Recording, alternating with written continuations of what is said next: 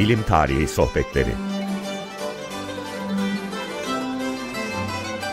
Hazırlayan ve sunan Derya Gürses Tarbak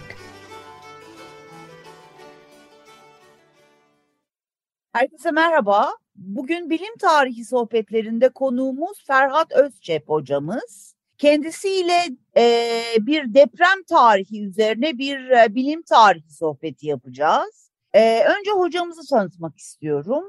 Ferhat hocamız e, İstanbul Üniversitesi Mühendislik Fakültesi mezunu, 1991 mezunu. Ayrıca Hacettepe Üniversitesi Elektrik Bölümünden de ön lisans diplomasını 1992'de almıştır.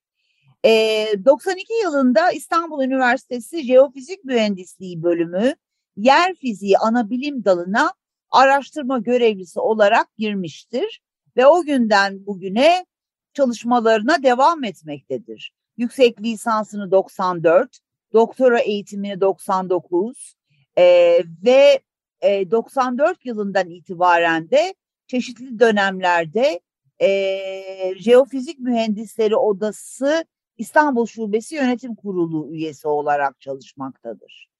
E, şimdi İstanbul Üniversitesi'nde 2017 Ekim'inde yer fiziği ana bilim dalında profesör olarak e, atanmıştır.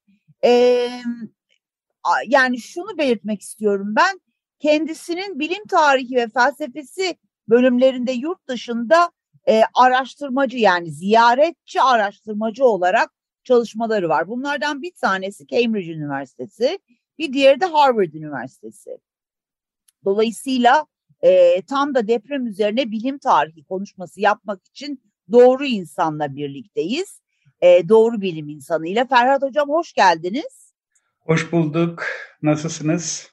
Çok teşekkür ederim Ferhat Hocam. İzninizle ilk sorumla başlamak istiyorum. Buyurun. Depremler üzerine olan mitolojik düşünceler hakkında bize bilgi verebilir misiniz hocam? Tamam. Şimdi e, mitoloji daha çok metaforlar yoluyla dünyayı ya da fiziksel dünyayı, fiziksel dünyadaki olgu ve süreçleri açıklamaya yönelik bir girişim. Buna e, günümüzde e, şiirde de bu metaforları halen kullanıyoruz ama bilim öncesi dönem olarak da nitelendirmek mümkün mitolojik dönemi.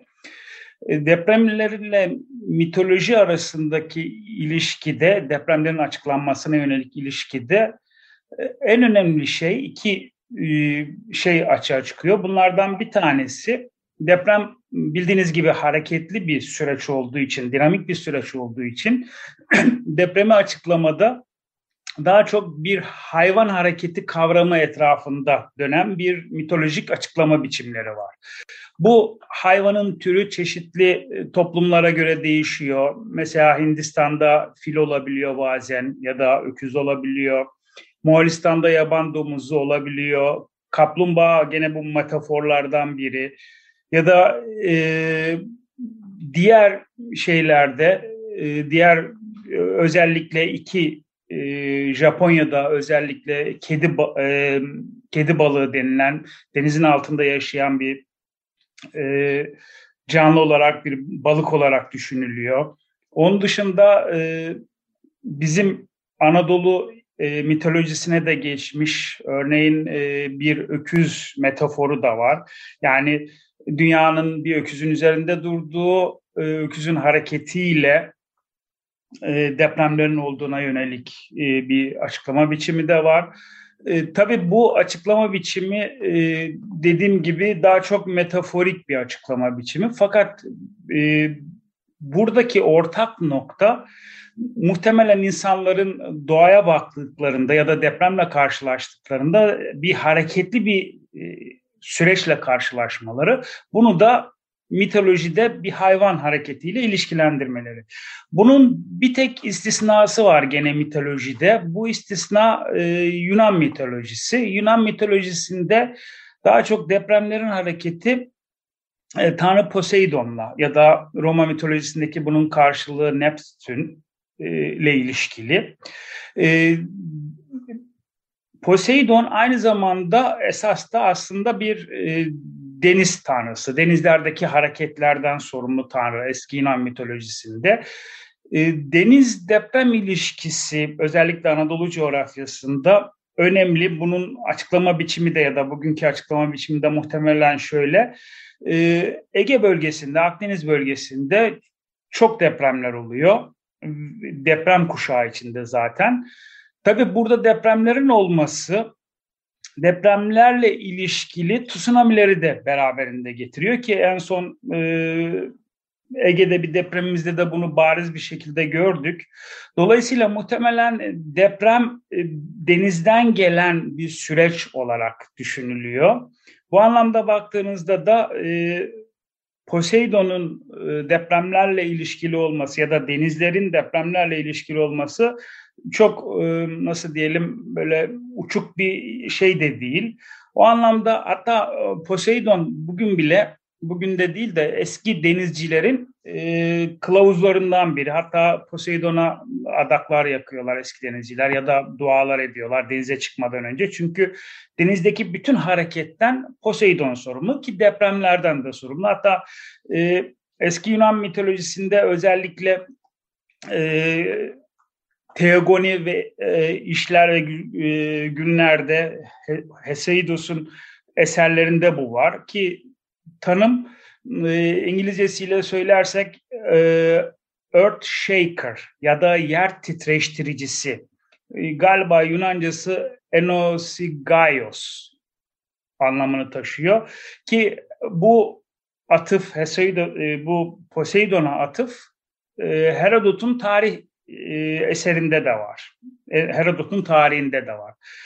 E, dolayısıyla mitolojide iki türlü bir açıklama biçimi var. Tabii burada şu da var, bunu da söylemek mümkün. Ünlü bilim tarihçisi George Sartre'ın e, meşhur eserlerinden biri işte bilim tarihine giriş eserlerinden birinde çok güzel bir şey yakalamış Sartre. Diyor ki e, eski Yunan'da tamam depremler Poseidon'la açıklanıyor ama mesela şöyle de bir şey var. E, diyor ki yer şekilleri deprem tarafından modifiye edilmiştir ya da değiştirilmiştir. Ama buna Poseidon neden olmuştur. Yani burada bir melez şey de görüyoruz. Yani mitolojiden doğal süreçlere geçişi böyle biraz yumuşak biçimde de görebiliyoruz. Bu da önemli bir şey ki e, depremin doğal süreçlerle ya da depremin doğal süreçlere etki edip yer şekillerini değiştirmesi olgu olarak muhtemelen gözleniyor ki bunu e, Herodot'un tarihinde de görüyoruz. E, ama neden olarak açıklama biçimi olarak da bu e, Poseidon'a bağlanıyor. Yani yarı mitolojik, yarı bilimsel demeyelim de yarı gözlemsel e, bir evet. şey var. Hatta bugün de tartışılan şeylerden biri bilim tarihinde muhtemel tartışmalardan biri e, aslında mitoloji dediğimiz bu metaforik şeylerin bir doğal nedeni de olduğuna yönelik. Yani bunu bir doğal süreçlerin oluşturduğu, doğal süreçlerin e, nasıl diyelim, doğal süreçleri gözlemleyen insanların o süreçlere e, nasıl diyelim açıklama biçimleri olarak da düşünmek mümkün. Yani evet. mitolojide kabaca böyle açıklar. Evet. Anladım. Ee, peki bu anlamda antik Yunan meselesinde eğer konuşmaya devam edeceksek eğer Aristoteles'in devrim e, pardon devrim kuramı diye çıktı ağzımdan. Deprem kuramı neden bu kadar çok etkili olmuştur? Açıklayabilir misiniz lütfen? Şimdi Aristo kuramı hakikaten önemli. Çünkü Aristo e, Aristo'ya gelinceye kadar da şey var. E, nasıl diyelim e, doğal süreçlerle depremi açıklamaya yönelik süreç bilgiler var. Örneğin Thales ki Thales'in ana e, arkesi su, depremleri suyla açıklayabiliyor. Veya bütün antik filozoflar ki Roma filozofları da bunlara dahil. Örneğin Seneca'da, Plutark'ta, Anaximedes'te depremlerin açıklama biçimleri var. Bunlar dört elementten herhangi birini depremlerle ilişkili olarak görüyorlar. Fakat Aristo bu süreçte depremleri e, meteorolojik süreçlerle açıklıyor ya da yer içine sıkışmış rüzgarın kasılmalı hareketiyle açıklıyor Aristo. E, tabii burada Aristo'nun genel evren sistemi içine de biraz oturtmak lazım bunu. Aristo'da iki tip sistem var. Ay altı ortam dediği bir ortam ki bugünkü yer küre bilimlerinin e, ilgi alanını oluşturan işte meteoroloji, oşinografi, katı yer küre, de kapsayan e, ki Aristo bunların hepsine birden meteoroloji diyor ki meteoroloji eserinde bunlara atıfı var. Burada Aristo e, ayaltı ortamda e, meteorolojik süreçlerin rüzgarla e, açıklıyor. Rüzgar e, nedeniyle oluştuğunu açıklıyor. Fakat burada önemli olan e, belki kırılma noktası Thales'ten bu yana ilk defa doğal süreçlerle açıklama biçimi var. Bu önemli bir nokta. E, nedenin doğal olduğuna yönelik bir açıklama biçimi. E, yer içine e, sıkışmış rüzgar nereden geldi denebilir çoğu zaman. O da aslında onun da bir açıklama biçimi muhtemelen ileriki çağlardaki etkisiyle de görebileceğiz. Var. Çünkü e, muhtemelen Aristo gözlemledi mi bilmiyoruz ama e, o dönemde özellikle İtalya'da volkanlarla depremler arasında bir e, nedensellik var. Çünkü volkanlardan gaz çıkıyor ve gaz çıkışı olunca volkan patlaması bir depreme eşlik ediyor. Dolayısıyla muhtemelen bunu e, şöyle düşünmüş olabilir Aristo. Bu gaz ya da bu tabi o zaman gaz demiyoruz o zamanki bağlamda. Bu rüzgar yer içine bir şekilde girdi ve dışarı çıktı. Çıkmasıyla birlikte de deprem oluştu. Şimdi bu süreci Aristo depremleri e, meteorolojik faktörlere ya da e, nasıl diyelim rüzgarın hareketine bağlıyor ama zamanla bu süreç aslında çok ilginç bir yere de evriliyor. Nasıl bir e, yere evriliyor ki bu dönemde e, çeşitli filozoflar Aristo'nun etkisinde ya da bugün bilimci diyebileceğimiz ya da doğa felsefecisi ya da doğa tarihçisi diyebileceğimiz insanlar Aristo'nun e, müthiş etkisi altında. Bu neredeyse 20. yüzyıla kadar devam eden bir süreç. Bu Aristo'nun diyelim açıklama biçimi. E, fakat burada biraz sanki bir dönüşüme uğruyor. Şimdi önce Aristo rüzgarla açıklıyor. Daha sonra bu yer içine giren rüzgar biraz kimyayla karışıyor. Özellikle bu Newton'da var. Özellikle diğer filozoflarda veya bilimcilerde de var bu süreç.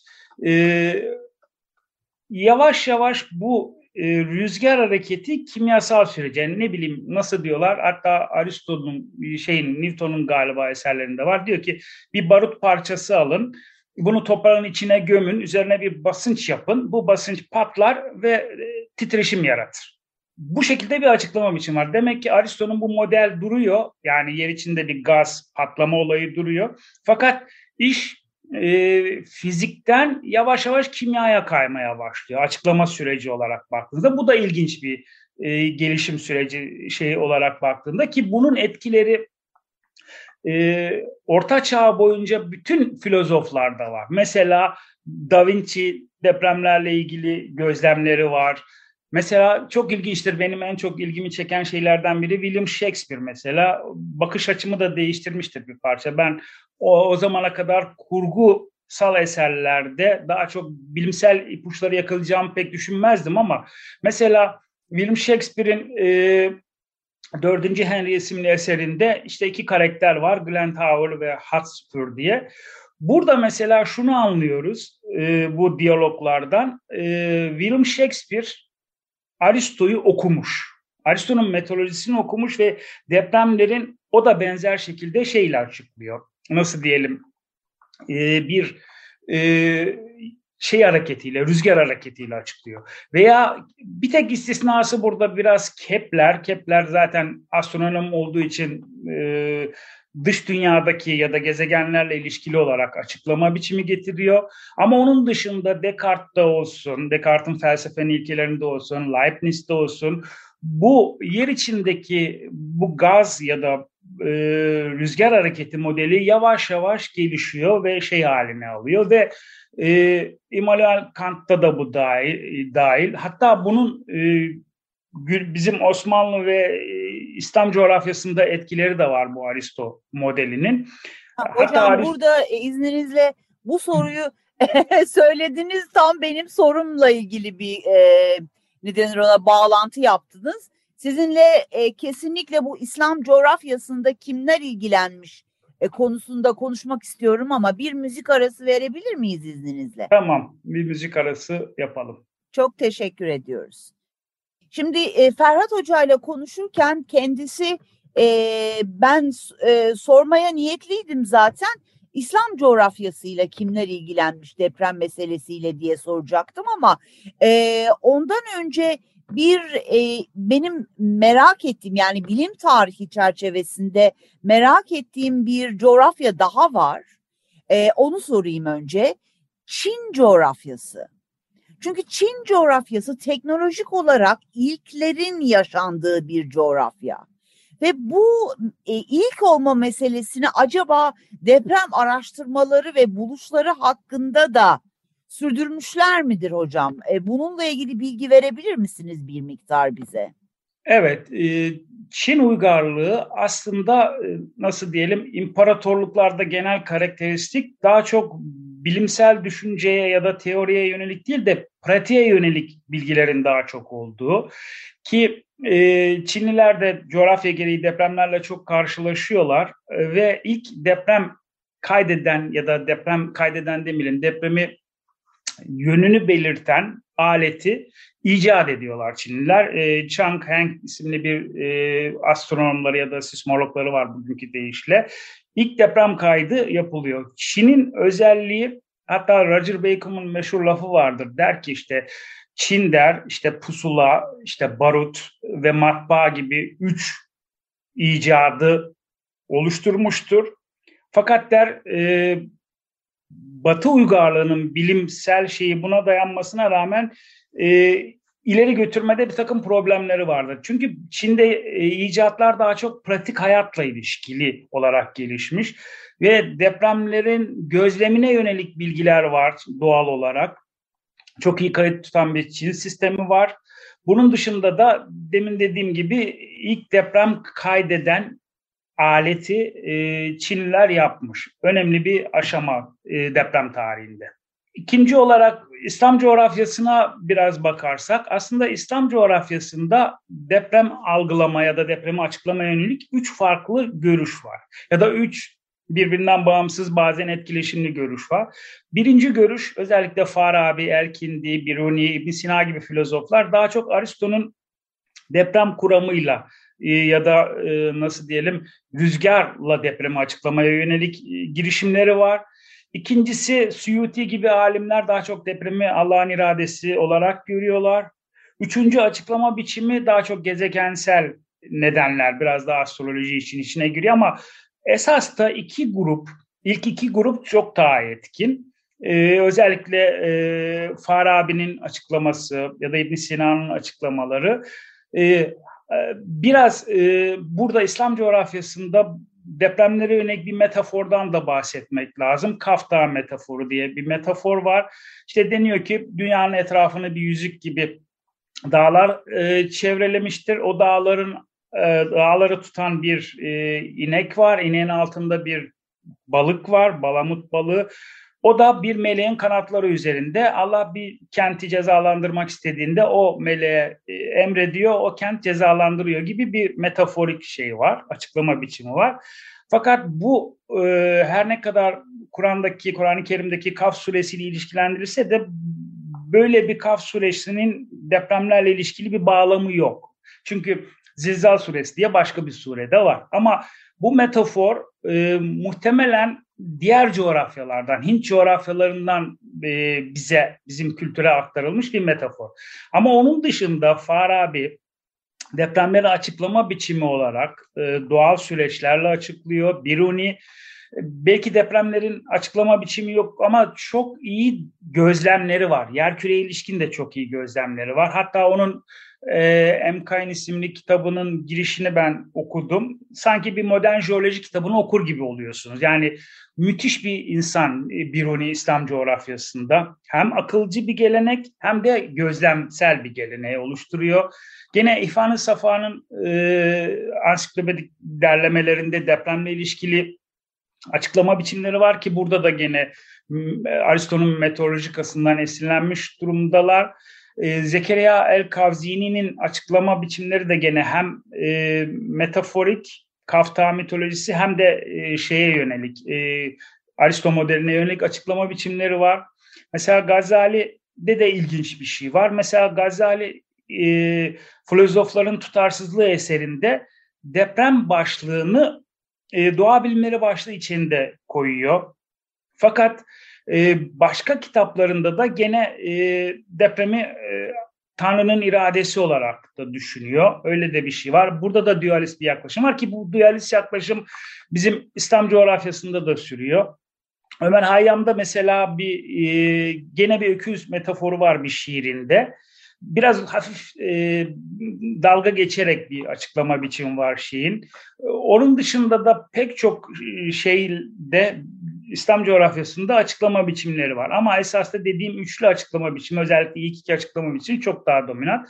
Bizim Osmanlı aydınlarında da depremlere yönelik bir takım şeyler var. Örneğin e, e, Solakzade Mehmet Çelebi'nin tarihinde e, şöyle bir olay nakledilir. E, 1509 depremi olmuş, çok şiddetli bir deprem ve padişah 2. Sultan Beyazıt Edirne Sarayı'nda divanı toplayıp şiddetli bir şekilde diyor ki bu zelzele zulüm ve fesatınızdan mazlumların ahının sebep olduğu gazabı ilahidir diyor.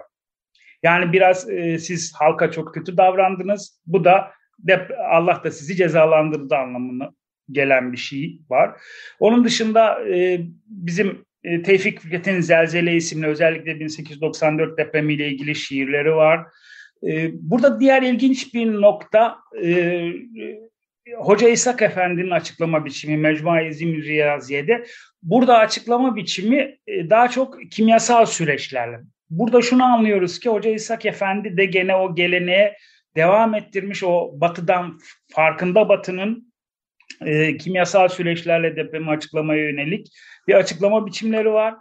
E, bunun dışında İbrahim Hakkı Erzurumlu'da gene dualist bir açıklama var. Hem Aristo modeli hem e, Tanrı iradesi şeklinde bir açıklama modelleri var. Bu şekilde bakmak mümkün depremlere. Anladım. E, hocam yani e, son tespit olarak şey diyebilir miyiz? E, gerçekten tarihsel süreç içerisinde e, hani ruhani ve materyalist e, görüşler karşılıklı ve bazen de yan yana gidip e, depremleri açıklamak yolunda ilerliyor. Doğru mu? Evet, bazen paralel gidiyor birbirini destekleyici şekilde, bazen birbirinden bağımsız ama birbirinden farkında olmadan açıklama biçimleri var. Ama evet. sadece depremle açıklayan, depremi Tanrı iradesi açıklayan İslam coğrafyasında bir tek Suyuti var. Onun dışındakiler Anladım. sanki eklek, eklektik gibi. Hem doğal süreçler var hem Tanrı iradesi devreye giriyor. O tip açıklama biçimleri var. Anladım. Hocam size çok teşekkür ediyoruz. Rica ee, ederim. E, ben yine buluşmak dileğiyle. Umarım Saygılarım, inşallah. saygılarımla hocam. Görüşmek üzere. Görüşmek üzere. Görüşmek üzere. Herkese iyi bir gün diliyoruz.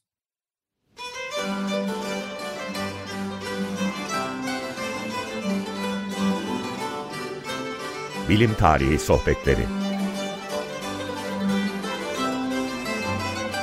Hazırlayan ve sunan Derya Gürses Tarbak